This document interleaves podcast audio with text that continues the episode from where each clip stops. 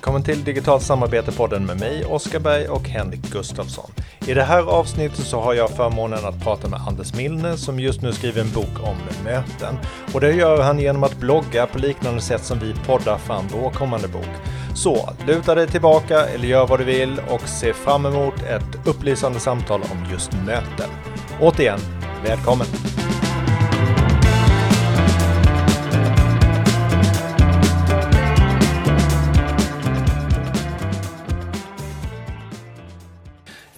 Kul att ha dig här Anders. Eh, välkommen till eh, min, mitt lilla kontor. Friggebod. På Tack så mycket. ett riktigt möte. Kan man väl säga. Det, vi har ett riktigt möte. Ja, ett, eller ett riktigt möte. Det är väl riktigt också när man eh, träffas digitalt. Men fysiskt. Eh, face to face. Lite, fast jag har, vi, har ju, vi har lite utrustning emellan oss. Eh, lite roligt. Men eh, jag har bjudit in dig hit eh, för att eh, vi ska prata om möten. Och eh, om din eh, kommande bok. Yes. Möten. har du lust att berätta lite om vem du är, vad du mm. sysslar med, så får du gärna göra det. Jag jobbar på ett företag som heter Altitude Meetings och vi är ett mötesbolag och en samhällsaktör med bas i Malmö och Lund.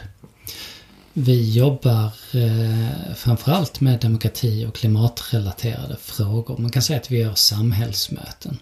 Men vi har också konferenslokaler. Så vi säger att folk mm. kommer till oss för att hålla sina möten. Eh, och vi gör då väldigt mycket innehåll och genomförande för andras möten som konsulter. Mm. Och som ett led i det så är vi också konsulter för allt inom möten. Så att vi mm. hjälper folk att bli bättre talare, vi hjälper folk att hur man håller workshops och så vidare. Och allt det där utför vi också själva. Mm.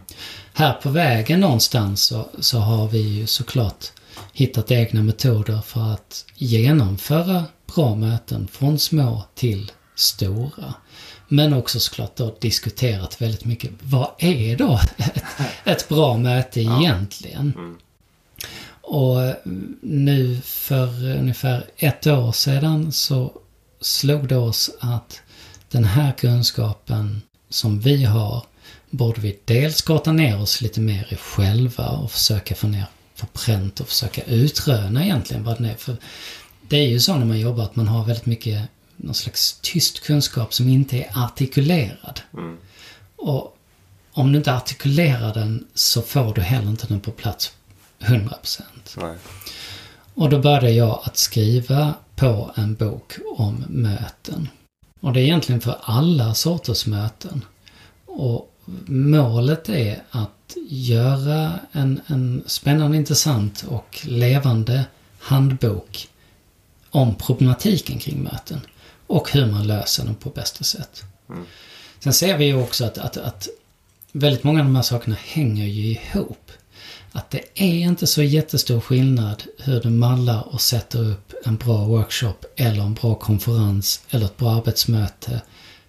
Eller hur du gör ett barnkalas. Mm. Eller middagsbjudning.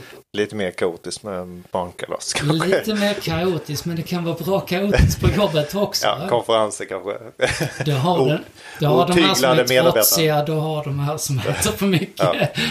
ja. man har samma, man har ju ibland stora barn på eh, jobbet. Det har man. Men den insikten var faktiskt ganska eh, för oss eh, förändrande. Mm. På det sättet att, att det slog oss att om vi gör det här, om vi börjar skriva om det, så skriver vi om någonting allmänmänskligt. Mm. Och någonting som berör egentligen alla människor. Mm. Oavsett var du jobbar eller vad du gör i ditt liv så kommer du att ha nytta av, av den här kunskapen. Mm. Jag tänker på det här med att skriva en bok. Det är ju, det har, vi håller själva på med det, Henrik och jag.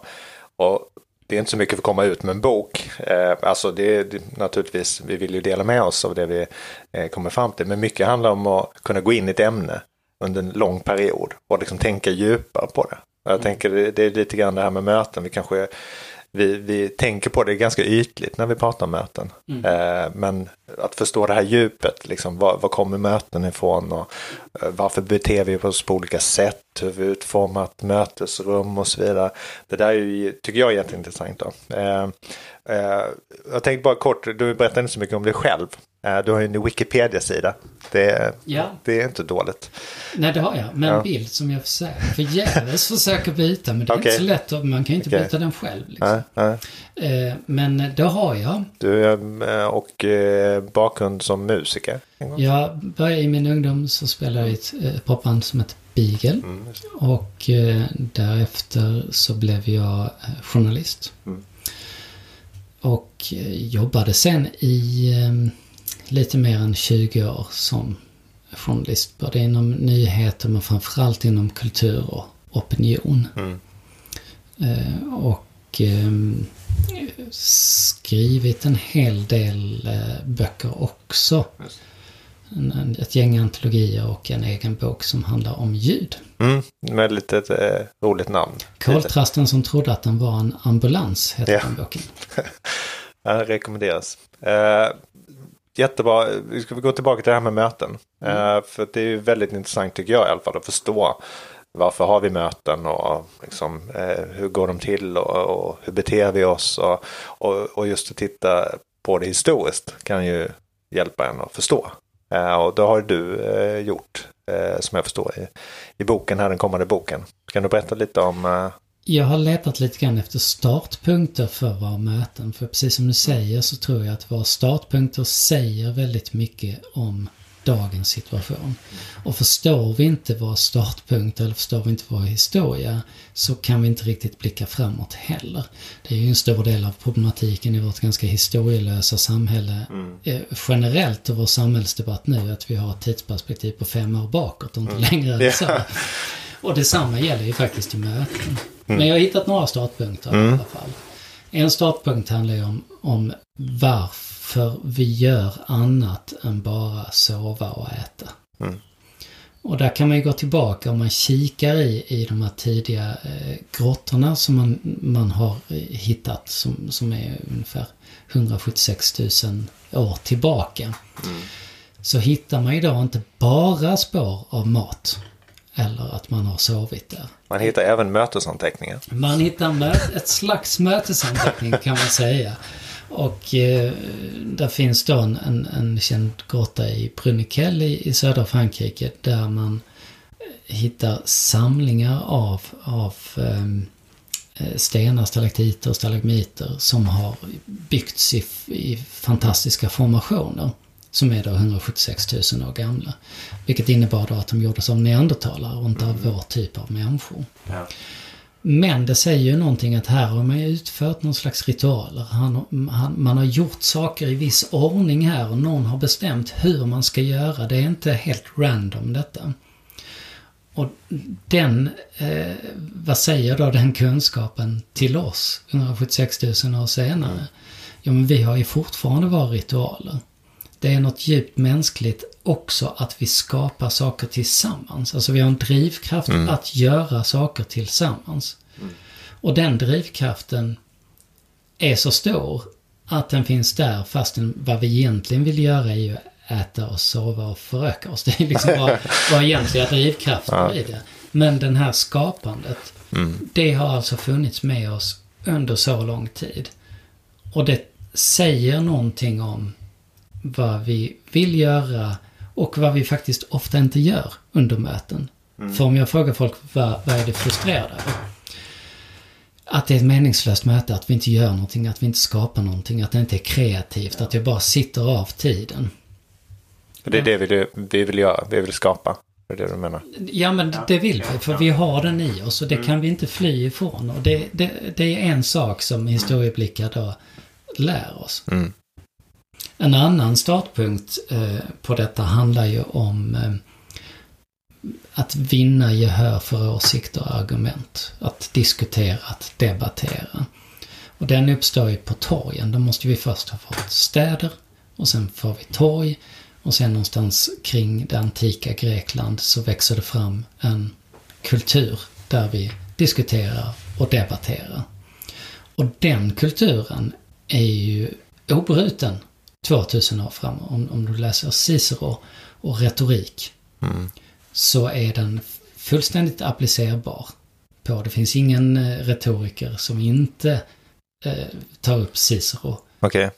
Så man behöver inte, har man lärt sig det så behöver man inte sen, det, det är inte så att kunskapsbasen ändras. Eh, vart, Den har inte ändrats och, och, och det intressanta i det här det är ju om du vänder på det och säger att den person för 2000 år sedan som var eh, uttråkad under ett föredrag är uttråkad av samma skäl som du när du sitter på en för mycket konferens. text i en powerpoint. För mycket text i en powerpoint. För långsamt. Monotont, kommer inte till- ja. Kommer inte till skott, engagerar inte och Ja. så vidare. Ja. Den är i fortsättning. Så där vi har skapanden i, i den ena som går tillbaka Mm. ungefär 200 000 år tillbaka. Vi har 2000 år av debatter. Och sen nästa sak är ju egentligen eh, var, var eh, kontoren kommer ifrån. Mm. Där vi jobbar. Och var kommer de ifrån? Ja, för när jag frågar folk så vet ju inte, vet ju inte människor. Hur länge har vi haft kontor?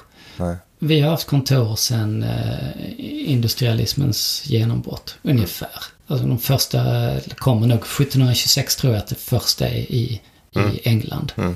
Mm. Som är flottans kontor för att hantera alla papper. Som, har- för, då- för då har flottan vuxit så mycket så att det blir så mycket pappersexercis. Och då måste man ha ett ställe där man samlar det på. Ja. Och ett ställe där folk går för att jobba. Och sen när eh, industrialiseringen kommer igång så är det ju en boom för näringslivet. Och när näringslivet börjar handla med andra, andra städer, andra länder på ett mycket större sätt så växer företagen. Och då får du också ett behov av att folk är på samma ställe för att hantera alla de här mötena mellan människor. Här någonstans också så eh, intressant nog växer ju de första tankarna kring att mötas på ett lite mer flexibelt sätt. Mm. De första drömmarna om videomöten de kommer ju på, på 1800-talet, lite senare. Men de är ju knutna till detta att plötsligt Tänkte jag själv att du är i England på 17, det är 1770 Mm. och sen plötsligt så ska du handla med någon som är i ett annat land väldigt, väldigt långt. Det tar ju liksom en månad för dig att ta dig fram och tillbaka. Så den drömmen de har där, den lever vi i nu när vi kan zooma.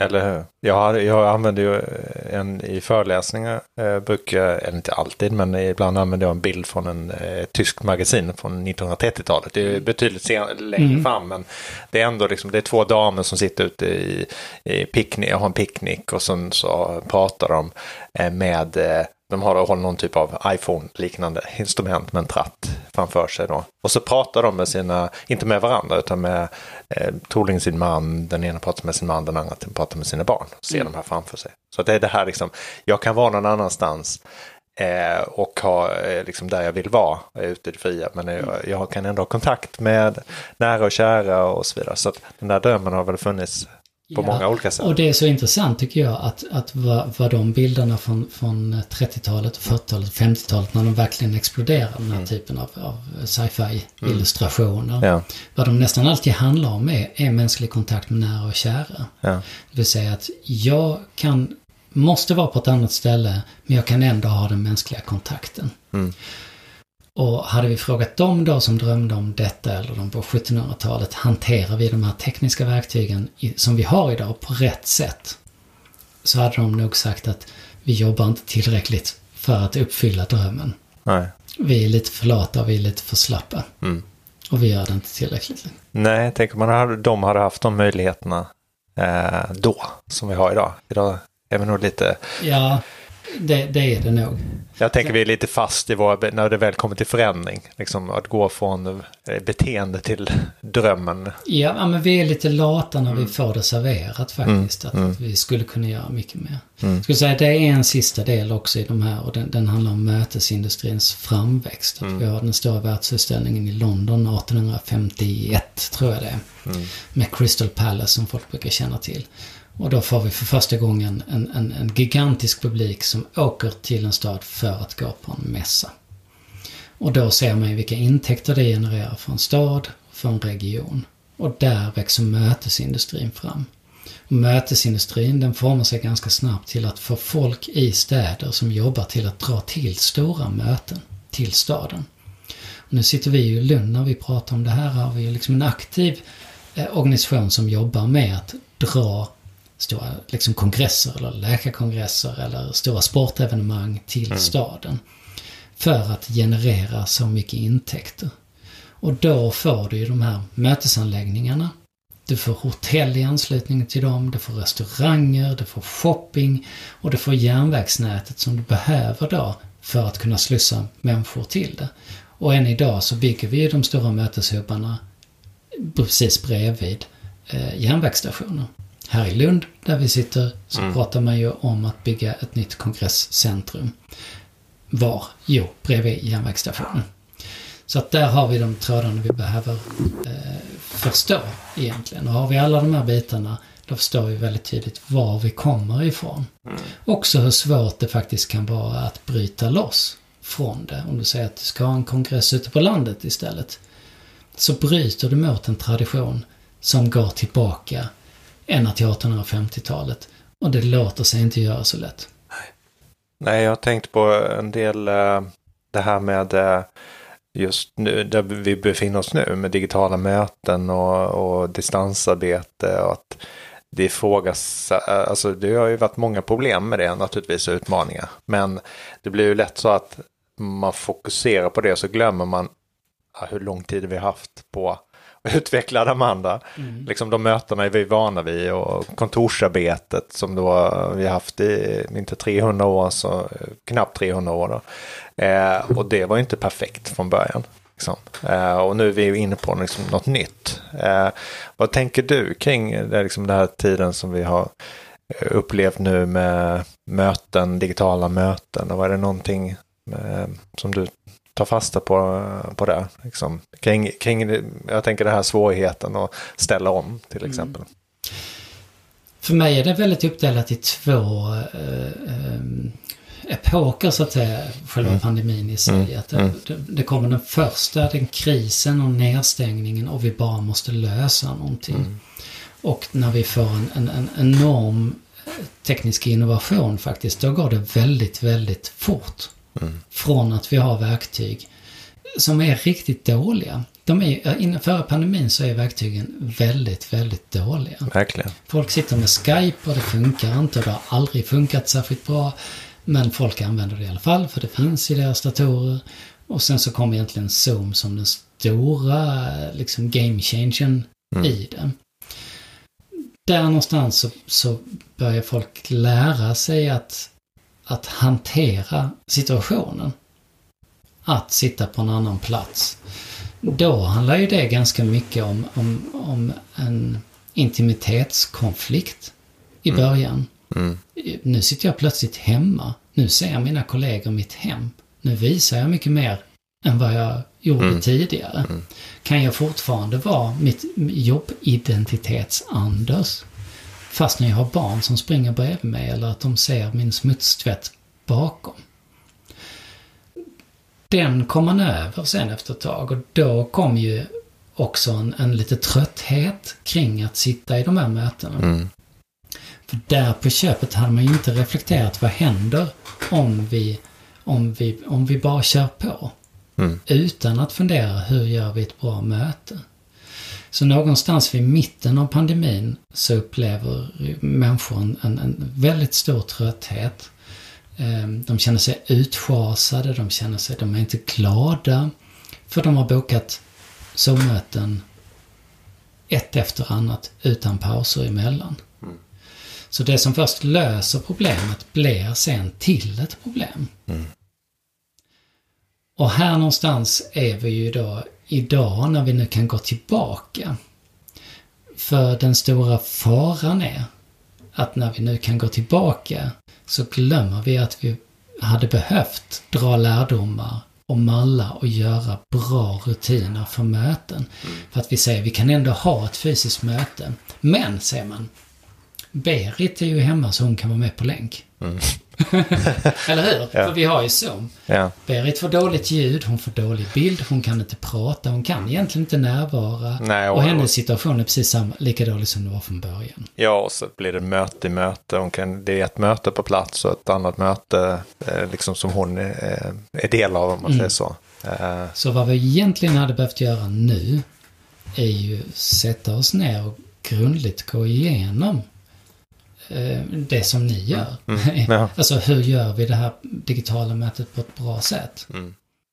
Jag, jag tänker också på det att ehm, det var, ja, mötena, videomötena, var, det var ju inga, vi hade inga bra verktyg för det.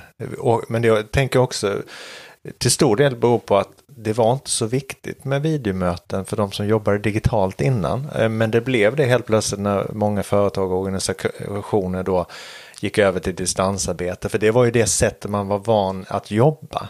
Och, och liksom det här med att synas i videomöten, och att boka in möten så att man, att gå hem och sitta hemma med en tom kalender.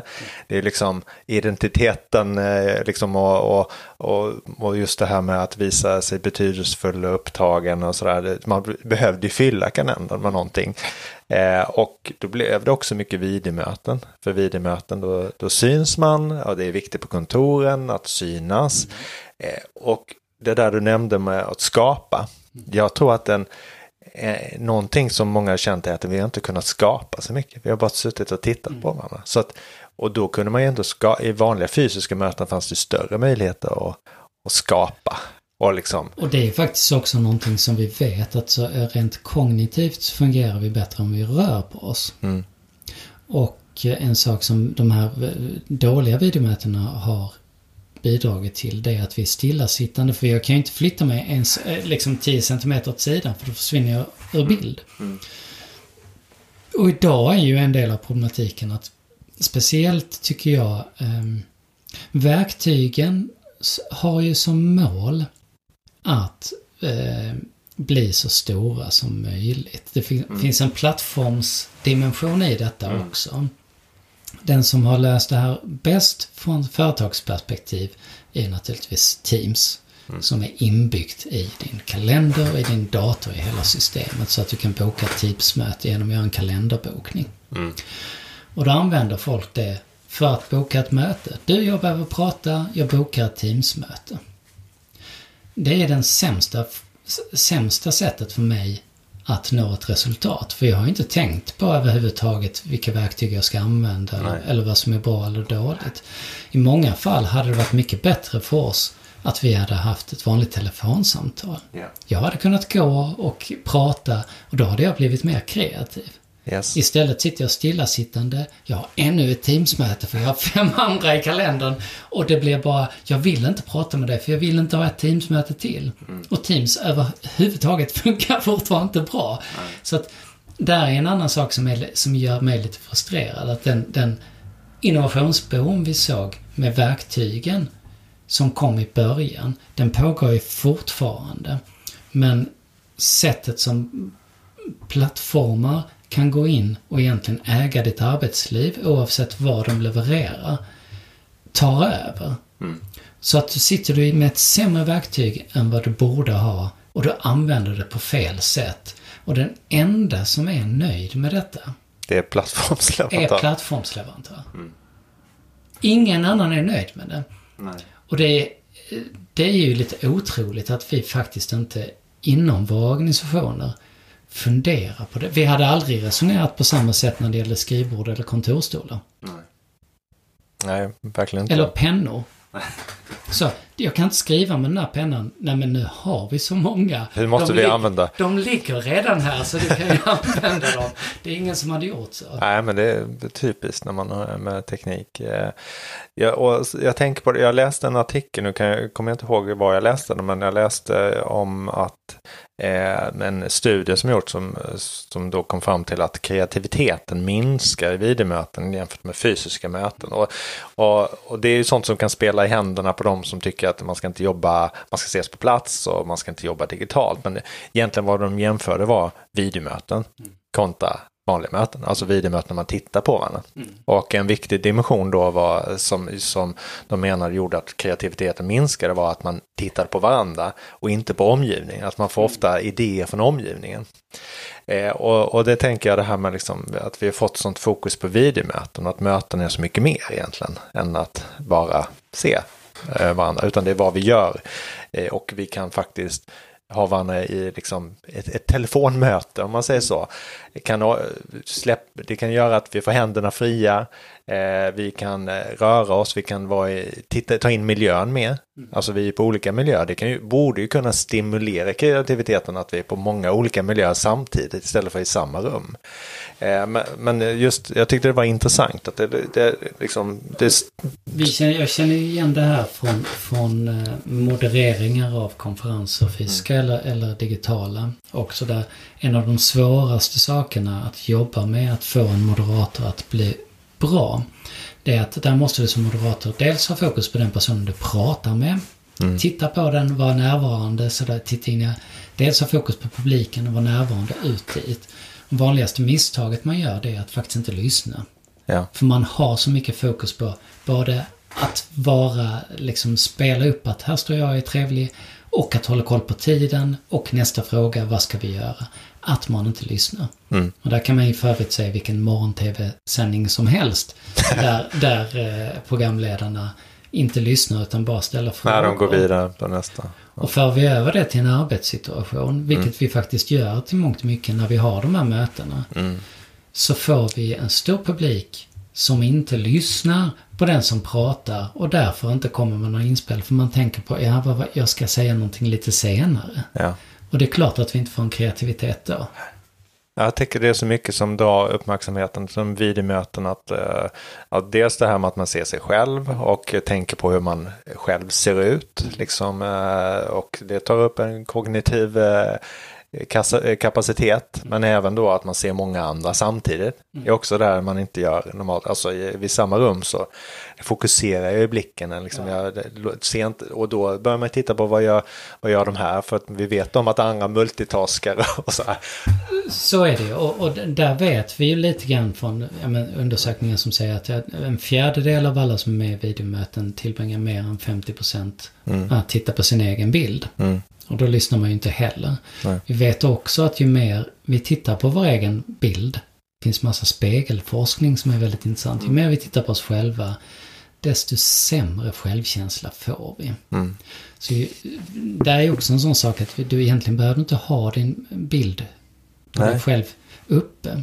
Men en annan sak som jag tycker att vi inte alls diskuterar. Jag jobbar ju mycket med talarcoaching och alltså jag hjälper folk Mm. Som att bli bättre talare och, och där jobbar jag väldigt mycket med folk som är nervösa och rädda för att stå på en scen. Mm. Och vad vi gör under våra videomöten är egentligen att vi puttar upp våra kollegor på en scen. Där en stor del, och det vet vi, de är inte bekväma med detta. Men ut i rampljuset och du ska vara där fyra timmar om dagen och alla ska titta på dig och du ska synas. Mm. Då är du heller inte kreativ. Nej. Då bidrar du heller inte. Så det finns eh, någonting i det där med, med att eh, vara obekväm i din arbetssituation. Och det, det, är ju samma i vanliga möten att samlar du 20 personer på din arbetsplats du kommer ha 5-6 personer som absolut aldrig skulle vilja ställa sig framför de här 20 personerna och hålla ett föredrag det, det här med det intimitet, det har jag tänkt mycket på. Och också introvert lagda och extrovert lagda och sådär. Att I fysiska möten så kan det ju lätt vara så att eh, de som är introvert lagda, de, för dem blir det ju då, ja men träffar man en, eh, någon annan person och, och så tar det mycket energi att eh, tänka på hur man beter sig och, och så vidare. Eh, och då är det lätt att man inte orkar, vad man ska säga, bidra eller göra någonting. Medan man kanske har lättare att göra det här i andra medier när, mm. när det är fokus på innehållet istället för personen mm. och så vidare. Eh, och det tycker jag är då eh, intressant på videomöten igen då. Eller liksom att eh, det tar ju mycket energi. Liksom det, det kanske inte de som är mer extrovert lagda kanske får energi av det här. Men det tar mycket energi, det tar bort eh, energi från skapandet. För de som, åtminstone de som är introvert eh, lagda. Då. Mm. Vad tänker du kring, eh, kring det där då? Eh, jag tänker att, det, att, att samtidigt det, tänker jag att det inte är så enkelt. För att vi ser ju också, tycker jag, eh, en hel del introverta som trivs bättre i det digitala. Mm.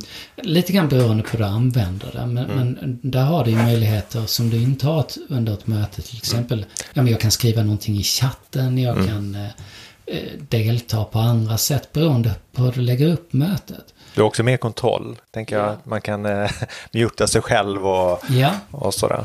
Så att eh, vi ser nog båda delarna. Och, och, samtidigt tycker jag också att vi ser en frustration hos de här extroverta som är vana att ta över rummet och ja. sitta. De har inte längre ett rum på samma sätt som de kan ta över. Nej. Eh, så att de trycks lite, kan ju tryckas lite tillbaka. Och eh, det kan vara bra ur ett samspelsperspektiv. Men samtidigt så ökar ju frustrationen hos dem som de måste ta ut någon annanstans. Ja. Så att vi startar massa grejer under de här, våra mötesformerna, oavsett vilka vi gör, som, som ringar på vattnet sprider sig ut i andra former. Och ja. det är ju också spännande. Jag har ett eh, konkret exempel där, för jag körde en, ett antal workshops nu under pandemin helt mm. digitalt med en organisation där en person var väldigt eh, i fysiska möten dominant eh, som vd då. Eh, så det var mycket inspirerande och driven och sådär och lätt ta över konversationen. fick jag höra. Mm. Eh, men i den här serien som vi körde så det blev, alltså i början var det kanske mer prat men det blev mer och mer jobb tillsammans då. Och hen intog då en lite mer eh, lyssnande roll. Mm. Så jag, jag, skulle säga att eh, hennes ledarskap förändrades i den här. Hon blev mer, eh, hon sa jag nu, det får jag spelar ingen roll, eh, men blev mer, mer lyssnande. Och, och liksom eh, väntade till sist, blev mer medveten om och jag tror också blev en bättre chef mm. eh, för att andra fick komma till tals. Och där tycker jag att man ser en jättestor skillnad när vi mer gått över, vilket vi gjorde under pandemin, till digitala workshopverktyg. Mm. Att man fick mycket mer fokus på att här är vi alla för att jobba. Det finns inget utrymme mm. då att hålla på med saker som inte har med saken att göra, som vi ska göra, Nej. arbetsuppgiften att göra. Utan Härska tekniken. ja, så det försvinner ju lite mm. grann. Mm. Mm. Och jag tycker själv att det är mycket lättare som processledare att nå konkreta resultat mm. snabbt. Mm. Utan att behöva gå in och, och styra upp massa saker. När vi jobbar med digitala format. Och det handlar ju om de här sakerna, vad som händer när människor samlas i ett rum. Mm. Eh, och att då fler kan faktiskt tillåtas att komma in och göra sin grej, särskilt om man jobbar individuellt. Mm.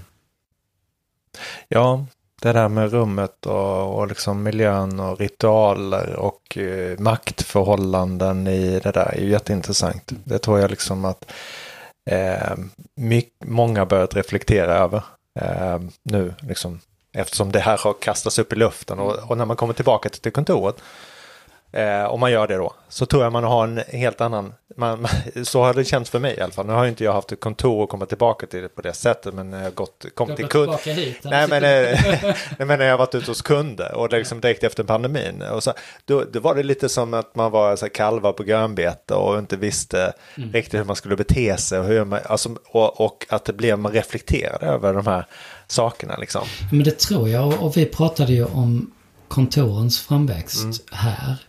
Och om man då kikar på vad, vad, vad skriver man om kontoren? Nej, de fanns inte från början. Det, det, nej, det är så nej. roligt att tänka sig. Man vet inte vad kontor är och så skapar man kontor mm. och folk ska gå dit. Mm. Och då kan man läsa i den engelska pressen om det här. Eh, ja, det här är en nymodighet och mm. det kan ju funka men det behöver någon som styr. Det behöver någon som övervakar. Mm. mm. Och, men vissa personer som är lite mer liksom, eh, och här skriver man ju, det, är ju på 1700-talet som man skriver, de är ju liksom lite bättre människor för de är lite smartare. Ja. De kan klara att jobba självständigt, men de här andra massan, De måste ha sträng övervakning och då fungerar den. Ja. I det här har vi också en historisk tillbaka som, som, vi, som vi faktiskt inte har släppt än. I, på, på engelska så har man en uppdelning med blue collar eller white collar, det vill säga Mm. färgen på din skjorta. Har, vi, har du vitt så jobbar du på ett kontor som någon slags tjänsteman. Mm. Har du blått så är du arbetare. Och arbetaren behöver ju övervakning. Det behöver också de här tjänstemännen. Trä, trälhavet som jag eh, kallar, eller som jag har eh, hittat att det, det hette. De här som satt och gjorde rutinbaserade uppgifter liksom bredvid varandra. De behövde ju någon som tittade på. Det var det ju synligt arbete också. Så, Det var det ju. Ja. Men, men vi ska inte glömma att det här är ju ganska nytt. Och, och pratar vi, vi svensk perspektiv så ser så är vi ju tillbaka egentligen till det är ju på 60-talet när den stora förändringen sker. När vi får en utbildningsexplosion. Mm. Och när vi får massor med nya människor som tillåts att utbilda sig. Mm. För det är ju det vad som händer. Det, det, är ju, det är ju inte så att de inte velat göra det innan. Nej. På 60-talet så tillåts man utbildas och då får vi en explosion. Nu blir det så många människor då så att vi också får en annan revolution. Då får vi den här 68-rörelsen. Mm, Det beror helt enkelt på att det är så många unga människor på samma ställe. Det har det Ja. inte varit innan. Nej. Innan har det varit massa vuxna. Mm. Och då har man ju tänkt att jag ska bli som de vuxna. Nu får vi massa unga människor som säger att vi behöver inte bli, för vi är tillräckligt många själva. Vi kan bli vad vi vill. Och då gör de revolt och så blir det som det blir. Men det här är ju när, ungefär när vi föds. Vi är inte längre än så så att de här eh, klassperspektiven in i mötesvärlden, de tycker jag är viktiga. För vi kommer inte undan det, hur man än vänder och vrider på det.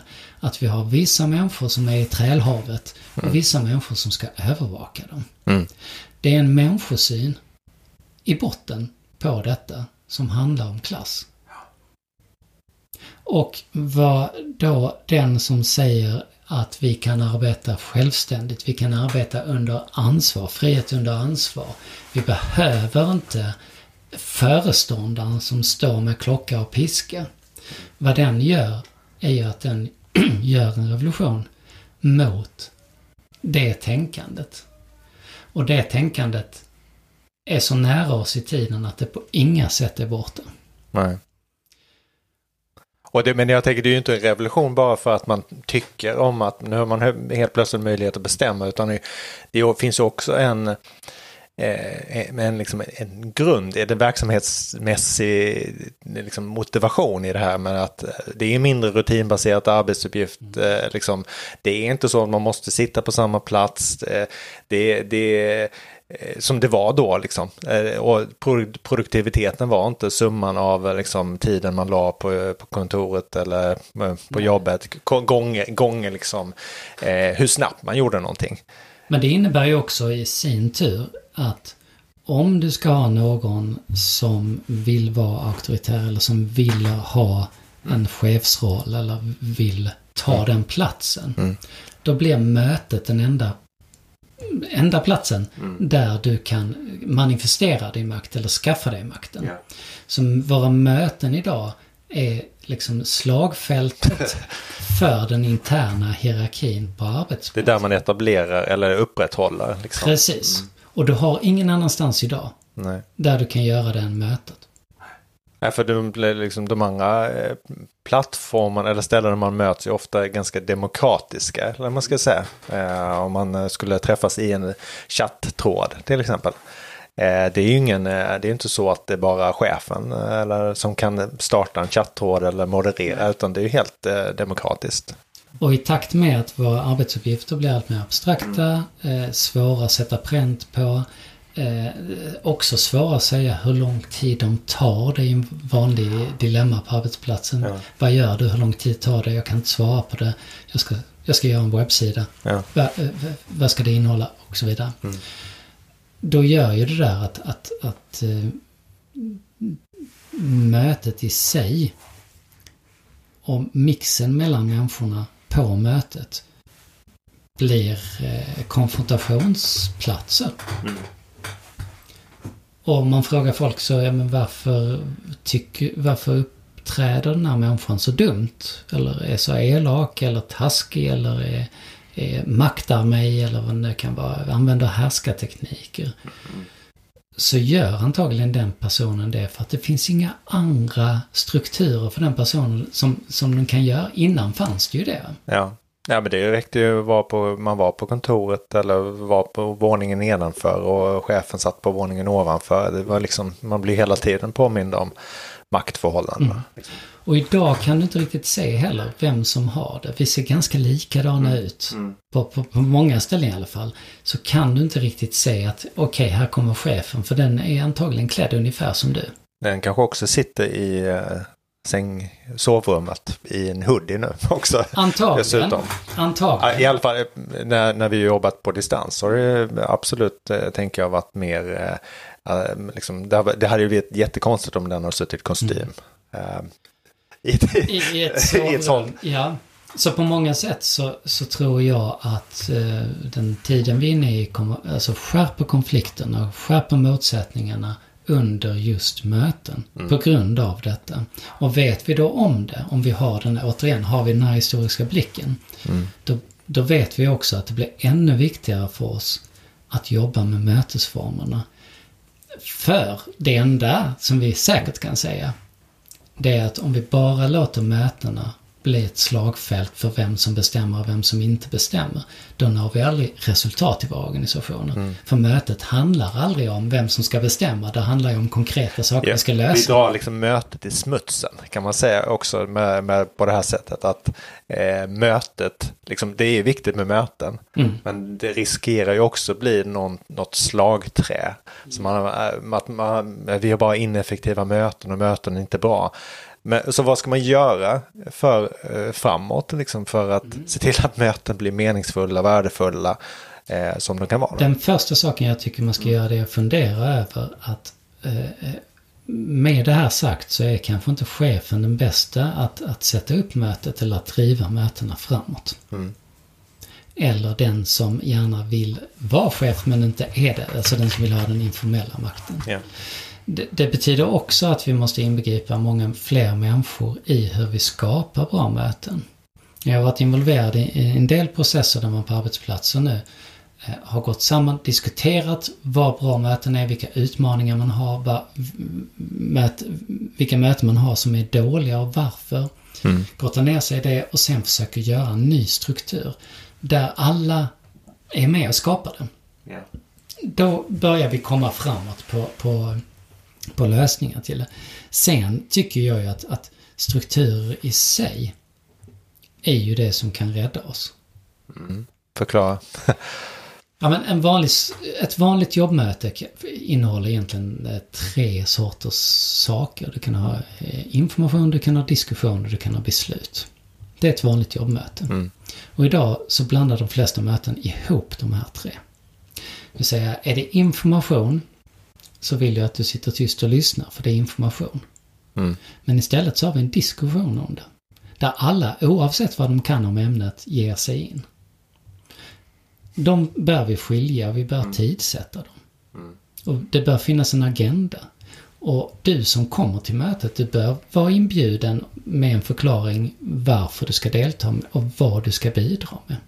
Så vi bjuder in för många människor slentrianmässigt till möten där de inte har att göra.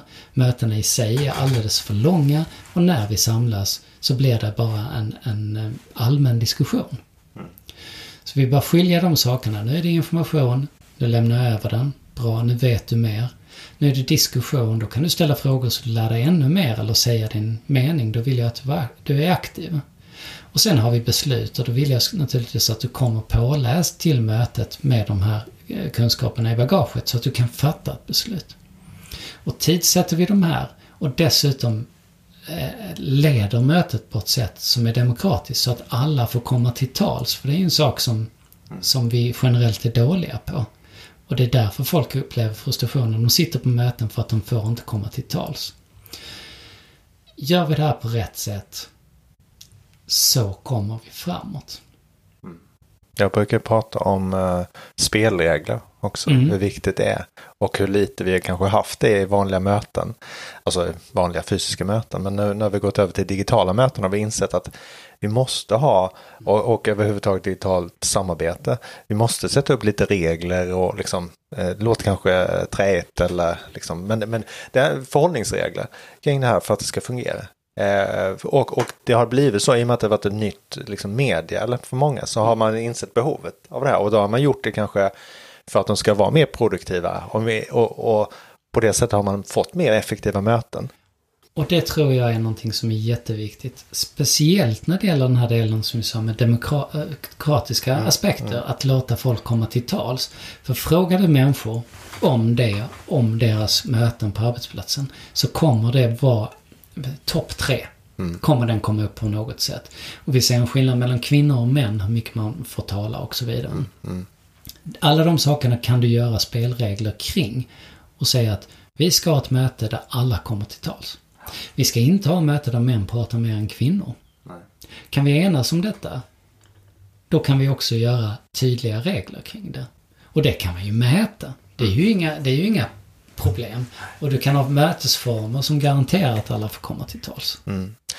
Ja, nej, jag, jag, tror också det är, det är, en, det är en stor möjlighet här nu när vi har liksom börjat reflektera över hur vi genomför möten och, och, vad som behövs för att de ska vara bra på liksom både inkluderande men liksom effektiva och så vidare. Eh, inte att vi har, eh, alltså att vi undviker härskartekniker och så vidare. Att vi börjar titta på dem och se vad ska vi ha för spelregler så det blir lite en clean slate. Eh, man, Eller hur? Och en sista sak där som jag tror är viktigt. Att samma sätt som vi är fast i en tradition som, som jag försökt Mm. liksom beskriva historiskt. Vi kommer från någonting och vi bär med oss all, all den här liksom mm. skiten som det faktiskt ja, är. Ja. Utan att omformulera det.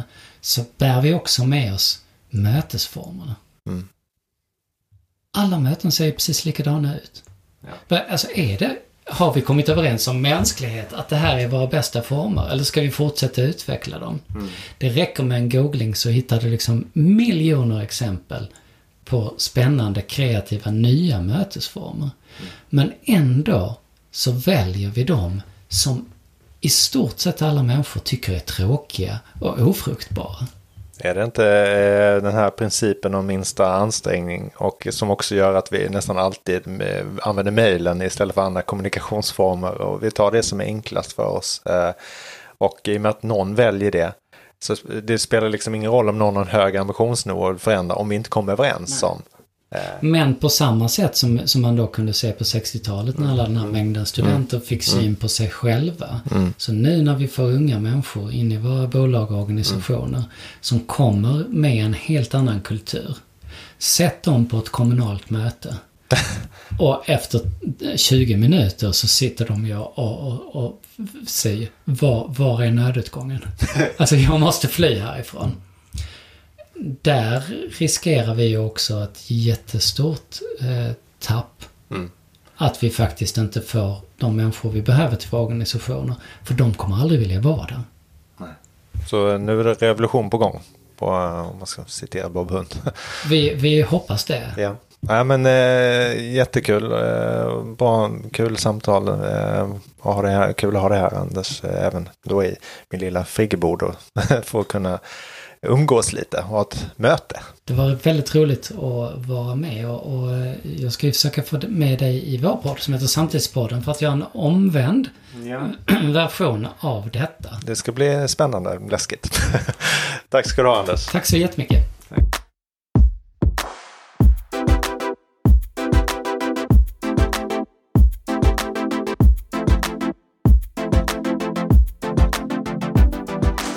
Ja, det är svårt att inte se värdet i ett riktigt bra möte, men det är också svårt att blunda för meningslösheten i ett riktigt dåligt. Möten kommer fortsatt vara otroligt viktiga för mänskligheten och vår utveckling, men vi behöver bli bättre på att använda dem på rätt sätt och utforma dem rätt. Jag ser personligen fram emot att läsa Anders bok och vi lär ju få återkomma till ämnet fler gånger framöver. Tack för att du lyssnade!